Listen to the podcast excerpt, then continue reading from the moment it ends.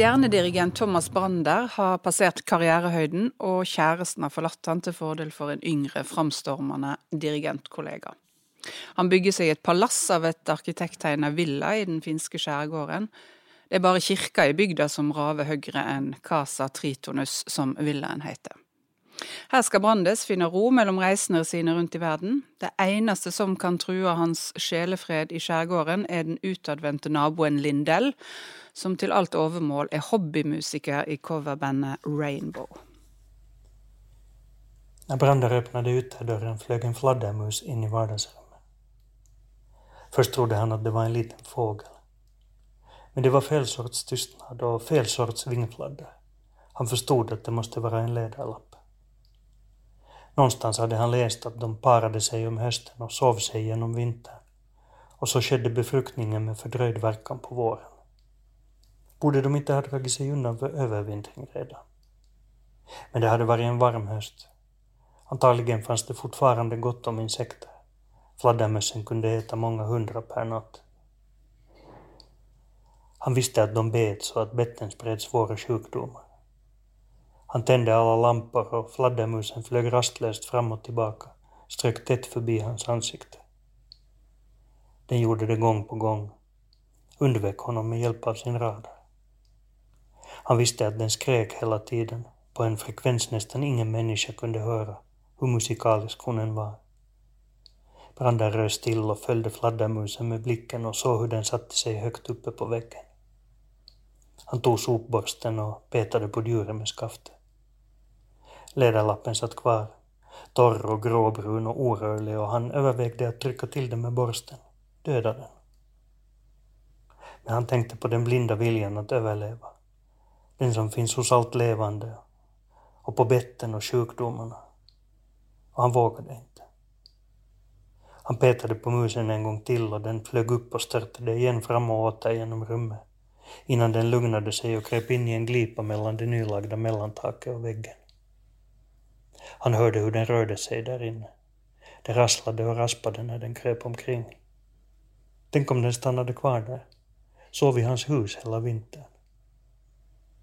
Han klev upp på en stol och slog med borstskaftet mot mellantaket för att tvinga ut den. Men fladdermusen lydde inte. Den fortsatte kravla och det raspande ljudet fortsatte att ge honom kalla kårar. Kjell Vestøs eh, Tritonus er fjerde bok ut i Norsk litteraturfestivals eh, podkastserie Lesesirkelen, som består av de eminente leserne forfatter Pedro Carmona Alvarez, kritiker Kaja Skjerven Mollerin og litteraturprofessor Tone Selbo. Velkommen til dere. Takk. Tusen takk. takk. Jeg heter Marit Eikmo, og jeg er kunstnerisk rådgiver for Norsk litteraturfestival. Eh, vi fire vi sitter faktisk samla i et studio på Deichmanske bibliotek, og vår glede over å være sammen og snakke om litteratur håper vi skal smitte over på dere. Først litt om forfatteren. Finlandssvenske Kjell Westø er blant Nordens fremste skildrere av vår moderne historie, og i 2013 fikk han Nordisk råds litteraturpris for den historiske romanen som på norsk heter Svik 1938. Han begynte som poet i 1986, og så gikk han over til å skrive noveller, men er mest kjent for sine romaner, særlig romanserien I fire bind om Helsingfors. I årets roman så forlater han byen og legger handlingen til den finske skjærgården og lokalsamfunnet der. Og denne gang så tenkte jeg kanskje vi skulle gå rett på tittelen, og da spør jeg musikeren blant oss, Pedro. Tritonus, hva betyr dette? Tritonus? Tritonus er eh, en, eh, et intervall, altså musikkintervall. Det er tre heltoner i en skala. Og det kalles da ofte for djevelens intervall, fordi det er et, et, en, et, hopp i musikken som er, veldig, som er skjærende, og som er veldig dissonant, og som er veldig uh, Det er lite harmoni uh, i det, og det er veldig mye uforløst spenning. Jeg, hvis dere har hørt Jimmy Henriks Purple Haze, så hører man Tritonus i de første taktene her.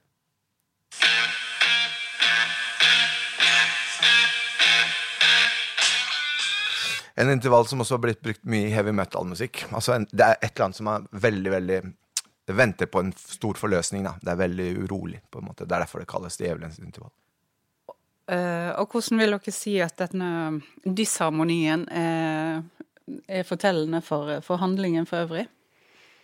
Nei, det er vel på litt ulike nivåer, er det ikke det? Altså mm, Brander, slik han blir fremstilt uh, i denne boken uh, I hvert fall til å begynne med, så er han jo ikke på et sånt harmonisk uh, sted i livet. Og når han kommer til dette lokalsamfunnet, så blir han vel av eh, en av disse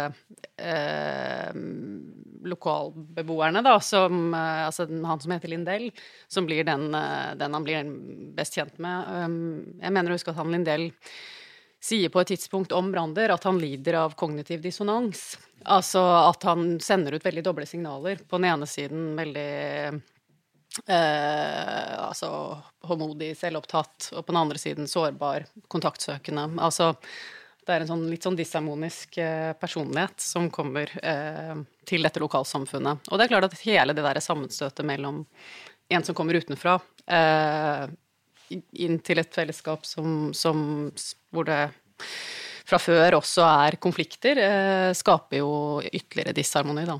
Det er en veldig fin uh, tittel i lys av romanen. fordi at romanen er jo veldig sånn, på en måte veldig sånn harmonisk komponert og veldig godt skrudd sammen. Men så kommer disharmonien inn på alle plan. For uh, Brander er én, som du sier, Kaja. Uh, men Lindell har jo også sine disharmonier, og han er jo en annen viktig person med sin egen historie i denne romanen. Hvor han har sine egne minner som trenger seg på, og som viser seg å ikke ikke være sånn som man først tror at de er, eller han vil ikke vedkjenne seg disharmonien i den historien med den døde kona. Mm. Så de har jo liksom disse personlige historiene, begge disse mennene. Og de møtes, og det oppstår sånne øyeblikk av harmoni, som så slår over i disharmoni igjen, så går tilbake til harmoni. Så den vekslingen da, gjennom hele romanen syns jeg også er veldig fin. Mm. Jeg er helt enig. Jeg syns også det er uh det er fint. altså I, i utgangspunktet tenker jeg på om man skal tenke på, på intervallet tritonus, altså to toner, tre heltoner fra hverandre. Jeg tenkte med en gang den verden som Brander kommer fra. Kulturverdens eh, liksom innestengte, bobleaktige virkelighet. Der alle går rundt og liksom eh, eh lever i sin egen lille, lille verden. da som møter av den i andre verden, som tilsynelatende skal være den naturlige verden, sånt, men der også, den er også en boble altså Bygdelivet er jo også en sånn avstengt i virkelighet med, sin, med, sine ting. da. Så når dette krasjer sammen, så er det der liksom dette her, eh, dissonansen oppstår. Men så, så, går det jo veldig fint. Etter hvert så blir det, åpnes det jo eh, for, eh, for, for, veldig mye fin harmoni. Og En annen side ved dette er jo også det, altså det For han ender jo med å kalle huset for Tritonus, altså mm.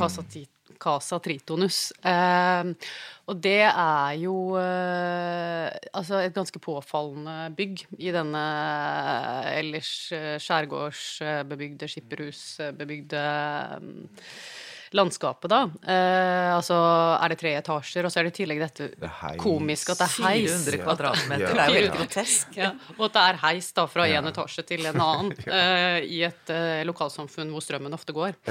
Sånn at eh, det, det, står jo også som en veldig sånn, et sånn disharmonisk konkret uttrykk. For... Men jeg tenker også at navnet på huset sier jo noe om Branders selvbilde. For at dette intervallet har jo eh, tradisjonelt i hvert fall vært et sånt intervall som er som man helst skal ligge unna, for det er problematisk. Det er vanskelig å løse det i musikalsk sammenheng, harmonisk, og på en måte få det til å gå opp.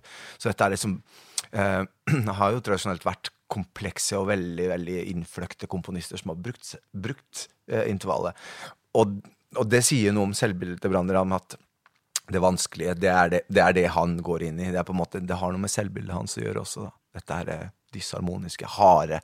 Og det vet man jo også i kunst- og kulturverden at vi eh, foretrekker ofte motstand, ikke sant? Og det stygge fremfor altså Dette har jo liksom vi har lært fra vi var Det er jo sånn klassisk honnører. Motstand, risiko. Risiko, ja. ja motstand, friksjon. Friksjon, ja. Ikke sant? Eh, og, og, og, så foregår jo dette i samtiden.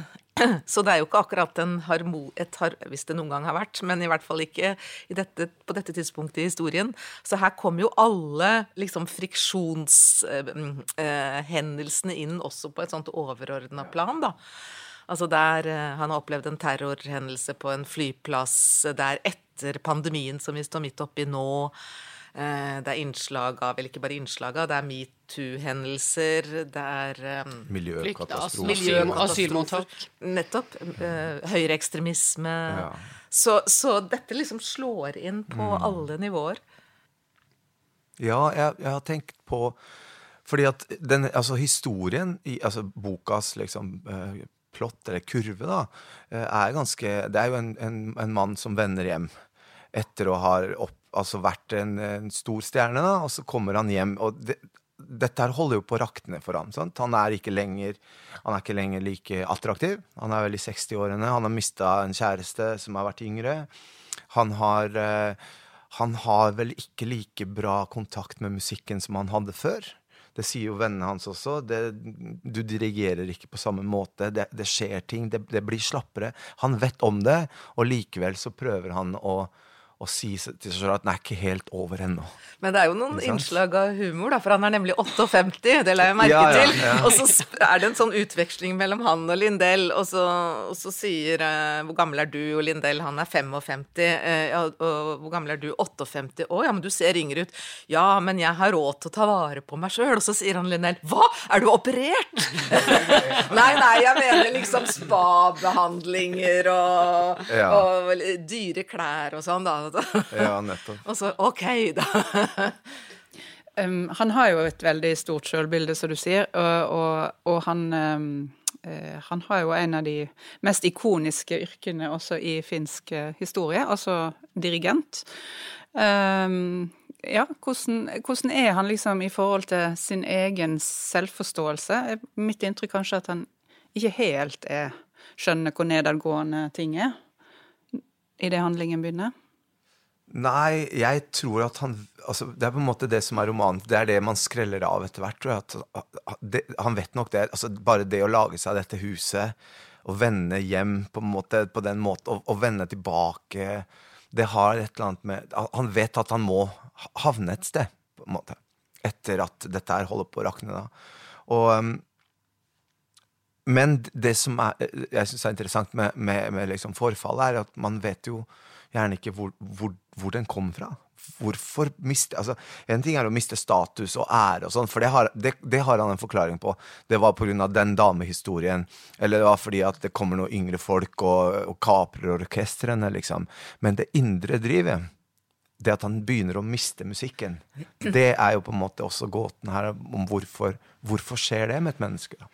Altså dette sammenfallet, Det er jo litt vanskelig å si hva som kommer eh, først her, da, men, men, eh, men det der for, kunstneriske forfallet sammenfaller jo med eh, Altså at han har kommet på punkt, et, på et sted i livet hvor, hvor han begynner å nøste i ting i egen historie. Og det er jo litt vanskelig å si om det er det Altså det overveldende i på en måte minnene som kommer fra, fra tidlig barndom eh, og oppvekst, som, som Og også selvfølgelig alle andre vanskelige ting han har mm, Mennesker han har såret, eh, mm, ting han burde angre på. Eh, altså om det er dette som innhenter han, og dermed gjør at han taper den kunstneriske kraften, altså at han blir overveldet av en form for menneskelighet, eller om det er omvendt at det er det at han har mistet den kunstneriske kraften som Ja. skaper et type Ikke akkurat tomrom, men, men en, et, et, sti- et rom for ettertanke. Ja. Som gjør at han kan nøste i noen, i noen tråder. Og jeg syns jo det kanskje er noe av det Et av de fineste sporene i boken, dette, denne historien med med broren til Brander, Ja. som, som, som også var en lovende Eller halvbroren, da. De hadde, de har samme mor, forskjellige fedre. Eh, og eh, som også var en lovende musiker. Han spilte vel fiolin, gjorde han ikke det? Eh, Gustav. ja. Eh, og som eh, litt sånn i hippietiden eh, ender med å mm, Sånn det går i hasj og piller, og så går det veldig dårlig. Og det er et sånn type tap som, som han det utspiller seg jo også med en annen historie som vi kan komme tilbake til, med en gutt Ja. i bygda som, som ja, er blitt uh, falt litt utpå med særlig politisk, da, mm. å høre på tallene til Hitler, og er en sånn i ferd med å bli en undergangshistorie mm. for denne gutten også, men som minner om broren, da. Uh, som at det er noen sånne spor som, som legger seg oppå hverandre i denne boken, som jeg syns Det syns jeg var en veldig gripende side ved det. Mm. Jeg er helt enig, og så er det jo også et sånn type historie om Altså, man vet jo Man kan aldri lokalisere akkurat hvilket punkt tingene slår om på når er det det begynner å gå mm. nedover? Og i hvert fall ikke for den som står midt oppi det. Og det syns jeg er veldig fint framstilt. At vi mm. får, vi får noen forklaringer som lesere. Vi kan lokalisere det til det du sa, Pedro, at mm. liksom det er den metoo-historien, det er eh, yngre dirigenter, orkester osv. Mens hans selvinnsikt er jo ikke på nivå Nei. med det. Så han Det er jo en sånn selvanalyse her også, som han er ute ute av stand til å ta, da. Og som er noe sånn dypt menneskelig at han klamrer seg fast til den suksessen han har, har hatt. Samtidig som dette huset, denne casaen, det er jo litt sånn grotesk, mm. blir et slags gravmonument. Mm. Monument. Eh, et, nesten et mausoleum. Ja, jeg, jeg har også tenkt mm, på Det er noe veldig hyggelig ved det. Ja. Mm. Jeg tenker jo at, eh, at det, det er jo en bok som også handler Som handler om, om, om den ikke handler direkte om alderdom, så handler det om, om liksom, eh, eh, fasen før. At Forberedelse til ikke sant? Jeg er helt enig. Jeg har også tenkt på sånn mausoleum. altså De der store nisjene som man liksom lager når man er liten, og så skal bli stor i døden. men, men, på en måte den derre eh, Den herre det, det, er jo også en bok som handler om en mann som har gått litt ut av tiden. Dette er jo flere av de bøkene vi har snakket om. Den er mannsfiguren som og, og, skal snakke om. Men denne mannen som på en måte Samtida har liksom funker ikke lenger. Verden har blitt annerledes enn sånn som jeg lærte å leve i verden. Um, det, går ikke an å gjøre de tingene jeg har gjort, og alle de mekanismene jeg har vært vant til å, å leve i og med, de, de er avleggs, og nå skal de på skraphaugen, liksom. Og nå um, må jeg lære meg å leve med det for det er fremtiden. Og jeg synes no, noe av det jeg syns var liksom fint med den boka her, jeg syns kanskje det eh, var jo det der besøket med han Vinni, han eh, sønn til, til, eh, til Brandes, Brander, som kommer mot slutten. For han får besøk av sin sønn. Sønnen er eh, er um, statsviter og jobber i en, en tenketank. Uh, uh, Brander vet ikke helt om det er en sosialistisk venstretank. Han tror det, men, og angrer litt samtidig på at han ikke har vært mer interessert i, i barnas liv. Dette av, det avslører jo veldig også hvor besatt og, og um, hvor mye han har brukt på jobben sin. Brander. Hvor selvopptatt han har vært. Selvopptatt han har vært på, sant? Så verden utafor finnes jo nesten ikke. Ikke engang barna, liksom. Og så kommer denne, denne mannen hjem, da, som er sønnen hans. Og så, jeg, så, er det noe utrolig fint der med at foreldrene savner sine barn i denne romanen. her. Men det, er, det gjør Lindell også. Lindell har en datter som jobber i Røde Kors. Som er ute i verden og jobber liksom i Afrika og er overalt. Foreldre savner barna sine og dette savnet representerer et eller annet. sant? De vil tilbake. Det er liksom, Barna vil videre. Ja, de, for de savner de ikke foreldrene. Videre, de ikke mens foreldrene vil tilbake. Og den, den scenen der hvor han, øh, sønnen til Brander kommer tilbake, så har Brander kjøpt noen herre eh, han skal ha kjøttfest. liksom, Han har kjøpt noe sånn nakke, svinekotelett, et eller annet som han skal grille. da. Og så kommer han, så sier han gutten, at, eller mannen, da 'Pappa, det jeg har endelig slutta å spise kjøtt, jeg. Så det er ikke så. Jeg har med aubergine og liksom sopp. Og så prøver han en gang til i løpet av den seansen her å nærme seg sønnen på den gamle måten. Du, skal vi ikke gå på jamme litt? Jeg har en gitar, og meg og deg, husker du da vi var liksom, holdt på med det? Det er nærheten. Så sier den utrolig rørende setninga. Ikke noe musikk i kveld, fatter'n. Det er fint som det er, sier sønnen. Og det er, det er sårt, altså. Det er den tida som går. Og, ja. og det viser seg jo også i så mange scener, akkurat den derre til dels generasjonsforskjellen, men til dels også personlighetsforskjellen. Altså, for jeg tenker på den der, Når det begynner å brenne på en holme ute i skjærgården mm, mm. Uh, Og jeg husker ikke om det er Jeg tror det er Brander som sier noe sånt som at, at, at heldigvis er holmen ubebodd. Og så ser ja. Vinni litt sånn uforstående på han ubebodd. Ja, men det bor jo dyr og fugler Altså ja, ja. alle plantene. Altså mm. den er jo langt fra ubebodd. Uh, sånn at det er jo en veldig ja. Og Brander er jo liksom blind for tiden på en helt annen måte enn sønnen, og, og er jo til Det er jo også et interessant aspekt her. Han er jo frem, altså en begava musiker sjøl. Han eh, er dirigent. Det er jo fantastiske beskrivelser av symfonier han har dirigert, og Maler og Sibelius er jo liksom to av hans store komponister. Men så er han jo helt sånn sosialt umusikalsk, og helt, kan nesten si tonedøv, uh, i, når det gjelder uh, forholdet til omverdenen. Så noen ganger så får han det til, og andre ganger så får han det ikke til i det hele tatt. Og den scenen hvor de står og ser på Holmen, er jo uh, veldig talende. Og også i forhold til han unge syreren som han møter på eh, asylmottaket, hvor han liksom buser inn. Men der har han jo et eh, øyeblikk Eller der forstår han at, at han har gjort noe galt. Han skjønner dette er denne mannens hjem, og jeg tramper inn som om eh, han også bor, har kontroll over sitt eget slott, hvilket han ikke har. Og så sitter han i tillegg og ber, og så er det noen, noen flere episoder med de to, da. Uh, som kanskje er en litt sånn romantisering av en sånn ung uh, syrer som viser seg å være medisinsk begava uten å være eh, lege osv., og eh, og som liksom gir han Så det er, det er flere scener der, men, men det er interessante sånne omdreiningspunkter som viser Branders både eh, liksom lydhørhet og ønske om å gjøre det riktig, og så fullstendig sånne dissonanser, da, som vi starta med. Det er jo litt det samme liksom som jeg tror jeg kommer frem i den samtalen der, det der med at han har et fadderbarn, men han har glemt navnet. Altså Som også er litt sånn mm, Ja, en form for disharmoni, da. Ja, ja. Men jeg lurer på om også det er noe med Det er akkurat som han er veldig Altså at den disharmonien i hans personlighet også handler om en form for forvirring. For det virker som om han er et sånt sted hvor han er så vant til andres bilde av ham, som som følger med suksessen og berømmelsen, at han til slutt har mistet helt tak i hvem han selv er. Ja, At han rett og slett på en måte ikke har At det er en side ved det. At han rett og slett ikke vet helt. Det er jo et veldig fint, eh, en fin del av romanen, syns jeg. At den derre suksesshistorien, det, det som på en måte er hans soliditet, da, eller har vært det i livet, er for oss er en sånn romklang, sånn tåkete, et sted langt der borte. Vi ser ikke den storheten. Vi ser bare liksom resten av når han går og subber rundt og eter aleine, på en måte. sant? Det, det er veldig fint, syns jeg. Ja, også på en måte at de aller fleste har jo liksom har jo seg selv i sentrum av sitt eget eh, liv, holdt jeg på å si. Ja. Som at liksom det som Man ser ikke andres storhet på den måten. Nei, nei. Andre ser sin egen storhet, for å si det sånn. Eh, Jeg lurer på, altså En av kjernehistoriene når det gjelder denne dis, eh, dissonansen, det er jo fortellingen mellom eh, Thomas Brander og naboen Lindell. Altså dette vennskapet mellom de to veldig forskjellige mennene.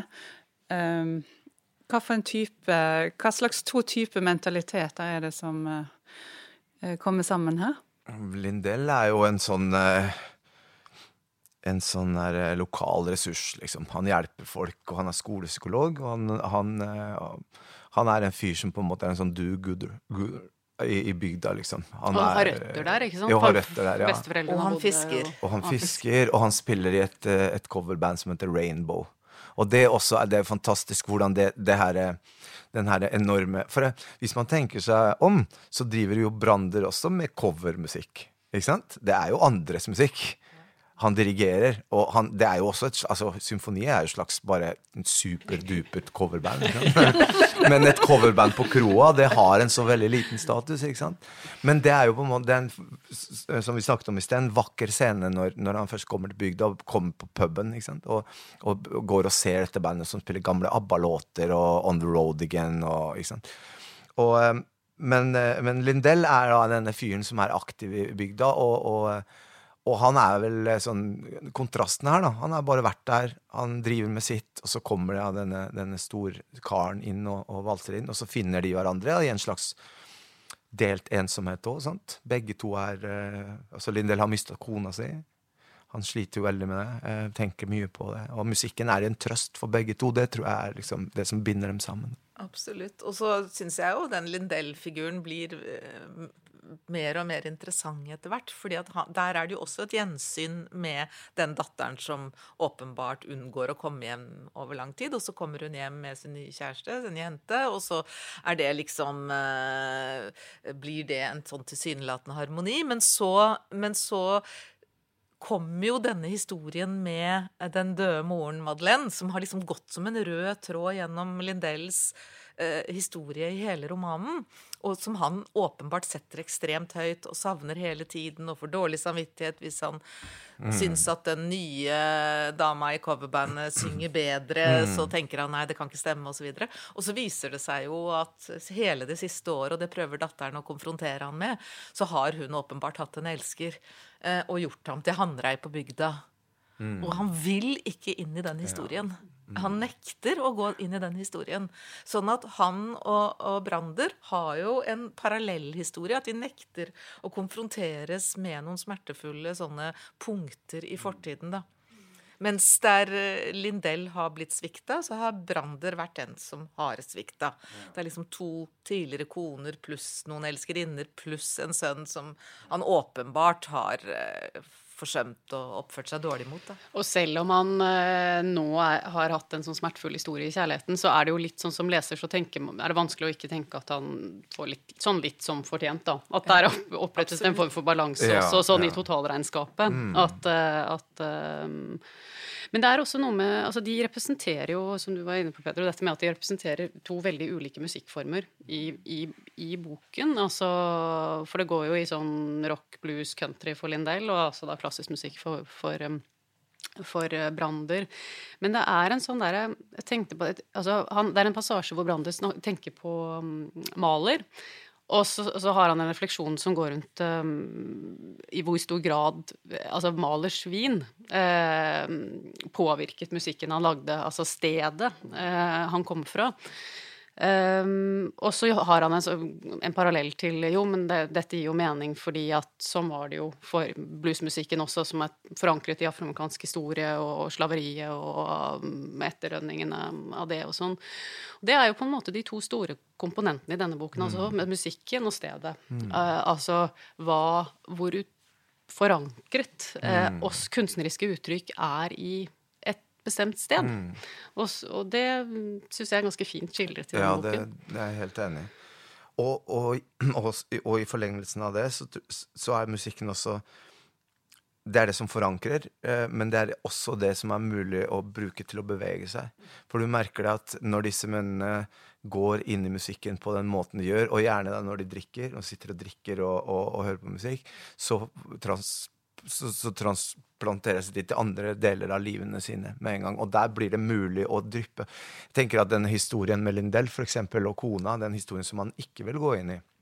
Men han går rundt og likevel kverner på en skam i forhold til en annen av disse kvinnene i boka, som heter Biggie eller Birgitte, som han da da hun var 13, en 13 år gammel eh, jente, helte Novini og hadde en sånn seksuell eh, greie med å Han ba henne om å dra ned buksene og komme og ta på penisen hans og sånn. Som jo også er en sånn slags litt sånn pre-teen metoo, liksom. ikke sant? Og, og, denne skammen går han rundt og, og gnurer på og bærer på som en slags sånn, sånn dissosiativ ting òg, tenker jeg. sant? Han er jo psykolog, han vil ikke tenke på konas uh, utroskap, men dette her greiene som skjedde da han var 13, fordi hun Biggie, eller Birgitte, har vært forelsket i han hele livet. Skammen ligger jo Han må, må, må tas tak i et eller annet sted. Da. Og og det gjør de ved å gå inn og høre på musikk. Han hører på Glenn Campbell, og så blir han helt så mushy og tenker tilbake på barndommen sin og fetteren. ikke sant?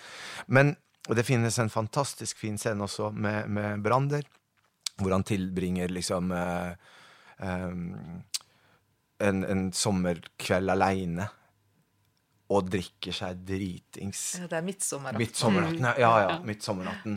Og han bøtter ned på med alkohol. Han prøver å ringe alle. Gamle elskerinner, gamle venner. Han begynner å sende SMS-er.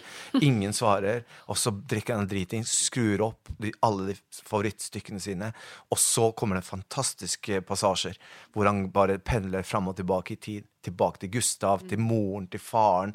Altså, og den reisen der, den synes jeg, det var noe av det fineste med boka. Hva alkohol jeg mener musikk kan gjøre med med, med, med ja. Det er fantastisk det du sier, fordi at den bevegeligheten er der jo hele tiden. Og vi skal sikkert snakke litt om Ja. sluttscenen etter hvert. Men, Ja. men det er jo også sånn at, eh, at eh, musikken gjør at man liksom transporteres til andre steder Mm. og tider, samtidig som den er forankret i et bestemt sted. Mm. Men det er jo også sånn at denne verden, denne store kult klassiske kulturverden og den rainbow-verden som finnes her i skjærgården, de bytter jo også plass. Altså, eh, den store verden kommer jo inn til skjærgården etter hvert, og det arrangeres en, en kammermusikkfestival, eller i hvert fall en sånn klassisk musikkfestival, slik at eh, det finnes en bevegelighet der også i i en sånn reise eh, eh, mellom steder, og hvor det ene, eh, det ene stedet så å si beveger seg mot det andre. Og det er, jeg syns også det er ganske rørende de, sted, de gangene hvor han faktisk er på den kroa Siris Brander. Og han har jo glede av det, og han er ikke Altså, han hører når de spiller bra. Han anerkjenner hun Anette, vokalisten, og sier liksom hun har et fantastisk register, og det er en sånn rått i stemmen hennes, men hun, har, men hun har en fantastisk stemme. Og han hører selvfølgelig også når de spiller litt surt, og, og Lindell ikke helt klarer å holde takten som gitarist osv. Men, men han har jo glede av det. Eh, Ja, og han anerkjenner Anette, vokalisten, men når Bigi, som du nettopp nevnte, Birgitta vil danse med han, så avslår han, for hun er for høy. Så Ja. allerede er en da altså, Ja, ja. for allerede da skjønner ikke han disse eh, reglene i lokalsamfunnet. For det fører han jo nesten ut i, i ganske alvorlig trøbbel. Ja, nettopp. Han er en sånn Jeg tenkte på Altså, for den siste mm, delen av boken eh, eh, kaller han jo som, 'Sommerboken', som, som jo også er hittelen på Tove Janssons eh, gamle klassiker. Eh, og der er det jo sånn eh, Som jo handler om en, en, en ung jente eh, og farmoren som bor på en øy, og er liksom overgitt til liksom, naturbetingelsene på den øya. Men der er det jo også en sånn det der med at, eh, at man ikke skal tråkke på mosen, er, er, hun begge de, disse, både farmoren og en jente, er opptatt av. Den eneste som tråkker på mosen, det er liksom bønder og sommergjester. Og han er jo en sånn type som kommer til et lokalsamfunn og tråkker på mosen. altså, Ja, Det er ja, visst. ja. Og som kler seg også litt feil. Altså Han har ikke de klærne han skal ha med seg. Han, han skjønner ikke kodene. Han tråkker Mm. på mosen i alle betydninger av ordet. Han skal ha rødvin, og han skal høre på, på, Ja. på bandet på kroa. Og han er den eneste som bestiller mat. Ja. Alle de Ja. andre bare drikker, men han bestiller Ja, mat. ja, sitter, sitter bak og drikker rødvin. Men, men jeg syns Jeg må si at sånn eh, stilistisk, da, så er denne romanen er jo veldig bra skrevet og utrolig fint komponert og tenkt og sånn. Men det jeg har Altså to ting da som jeg har tenkt på. Det, eneste er, det ene er den hastigheten romanen eh, har i prosaen sin når han, begynner, når han tillater seg å skrive lengre om musikkopplevelser som er veldig sånn, subjektive.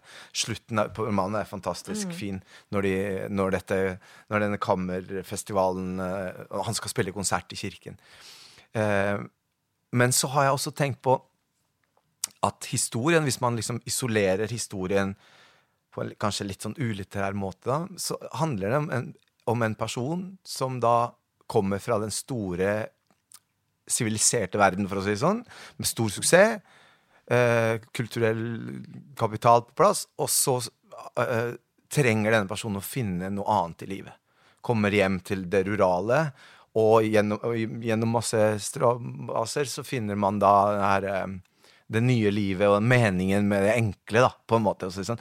og slikt sett da, så, er, eh, så ligner denne boken her på det planet da, på veldig mange eh, julefilmer som, som eh, blir laget. Altså veldig dårlige, eh, veldig dårlige Jeg sier ikke at boka er dårlig, for det er den virkelig ikke. Men strukturen er veldig lik, og det syns jeg er interessant. Eh, jeg er jo veldig glad i countrymusikk, og countrymusikken er jo nesten Altså alle countrysangene er nesten helt like. Men likevel ikke. Og det er på en måte liksom strukturens styrke, da, tenker jeg. For det er en veldig rørende historie, også delvis fordi at den er så klassisk, tenker jeg. Fordi vi ender i, på et veldig flott og håpefullt sted. Det gjør vi tross alt. Men det Mm, utvider mitt perspektiv på boka, det du sier der. fordi at innimellom så tenkte jeg at den var litt for liksom polert i, i måten den fremstilte Ja. tingene på, og at språket Han skriver jo så utrolig godt, Mm. men at det kan slå litt sånn andre veien òg. At det blir Mm. litt for vakkert. Eh, men, eh, men jeg ser jo nå at det har en større betydning. Mm. Altså det inngår i en sånn Han lager en sånn type hjemkomstfortelling som allikevel kanskje eh, har noen andre lag enn jeg helt fikk med meg første gang jeg leste den. da, og jeg så litt på det da jeg leste den om igjen, så så jeg jo faktisk at den har flere ting som liksom gnisser litt, da, apropos det disharmonitemaet. For at i utgangspunktet så tenkte jeg at, den var ikke så liksom jeg, De andre tingene jeg har lest av han, eh, som har vært veldig nært knyttet en del av det til borgerkrigen i Finland, til Helsingfors osv., har vært umiddelbart sterkere for meg da, ja. enn denne romanen. Eh, Men det sier jo noe om hvilket nivå han er på, selvfølgelig.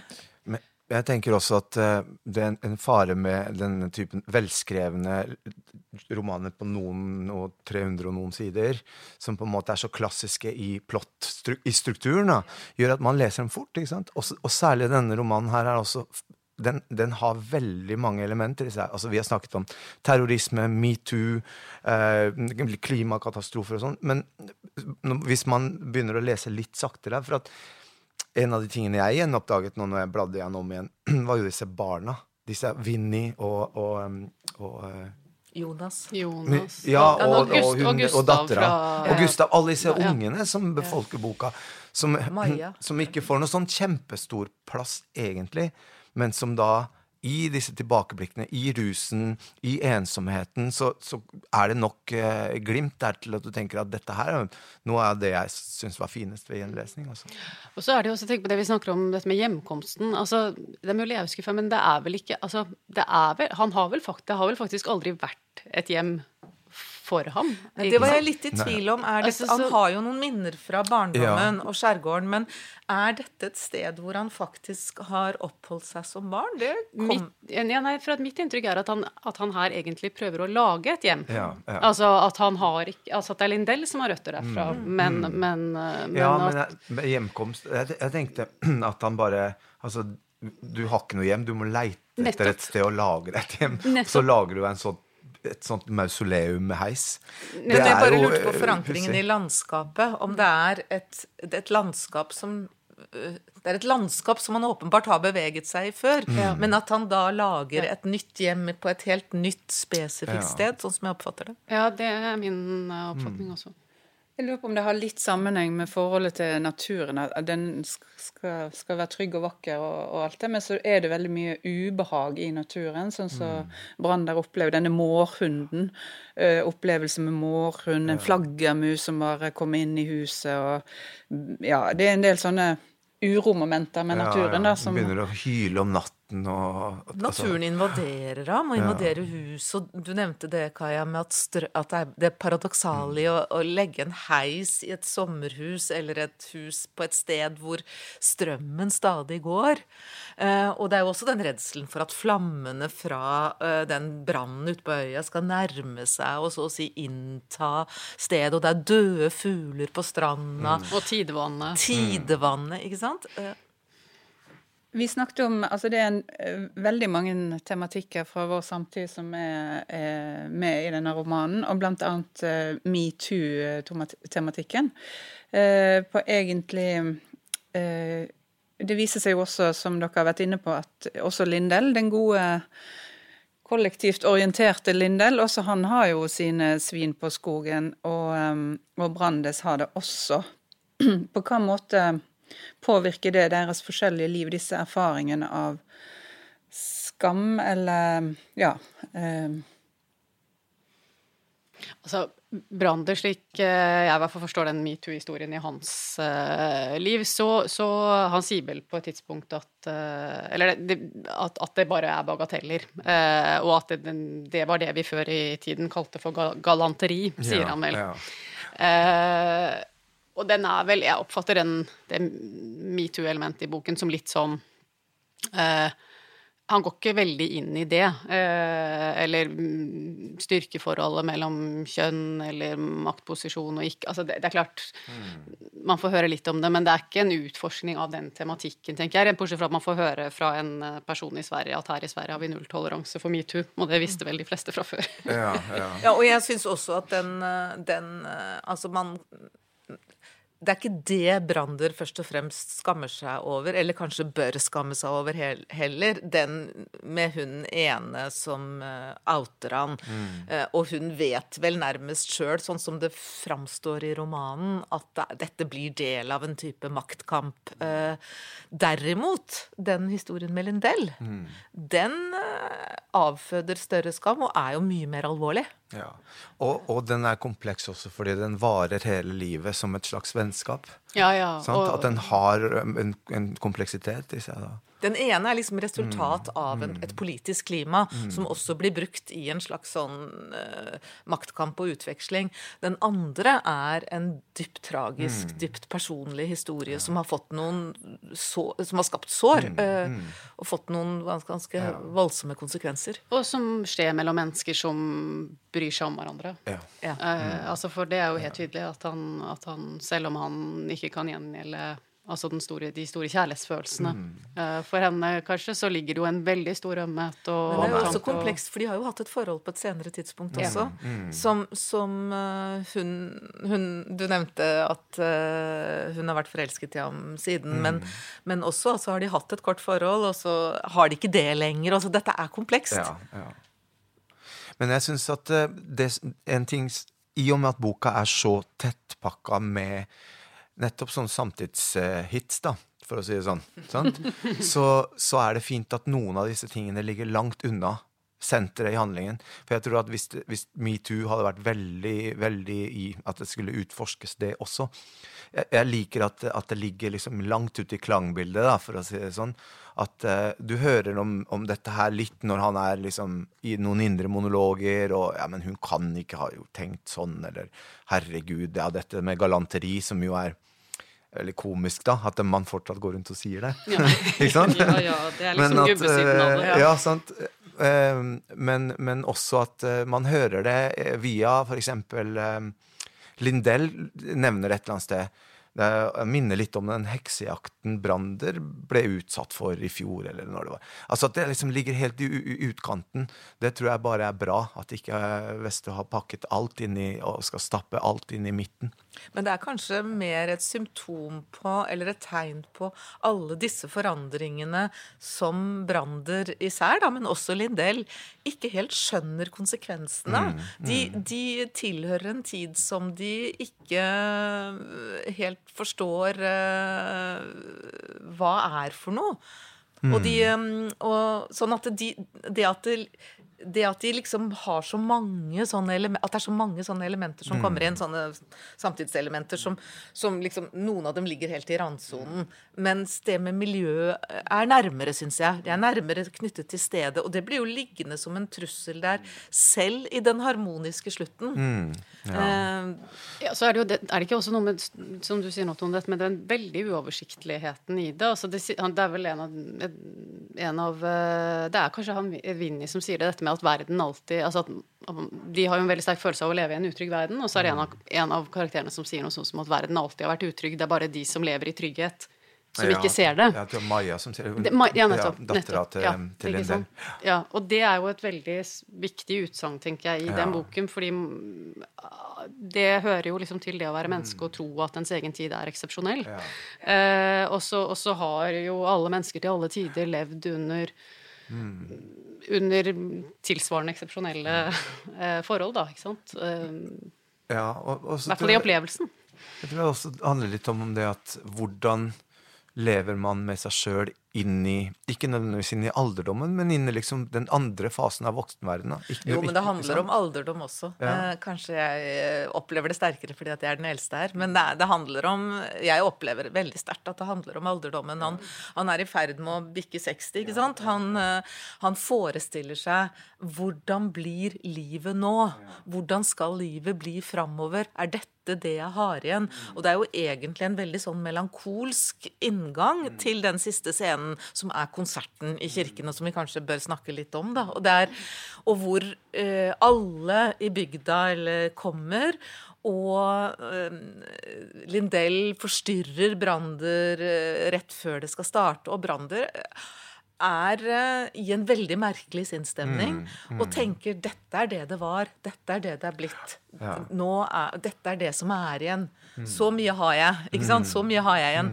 Og så tar han de første, starter han de mm. første tonene, og så begynner han å se Det er jo helt fantastisk, den komposisjonen ja, ja. som Vestø der lager, som nesten mm. blir en egen musikalsk komposisjon mm. av, av, disse forskjellige Der sitter Gustav, der sitter Krista, foreldrene Krista er denne unge som har sviktet ham.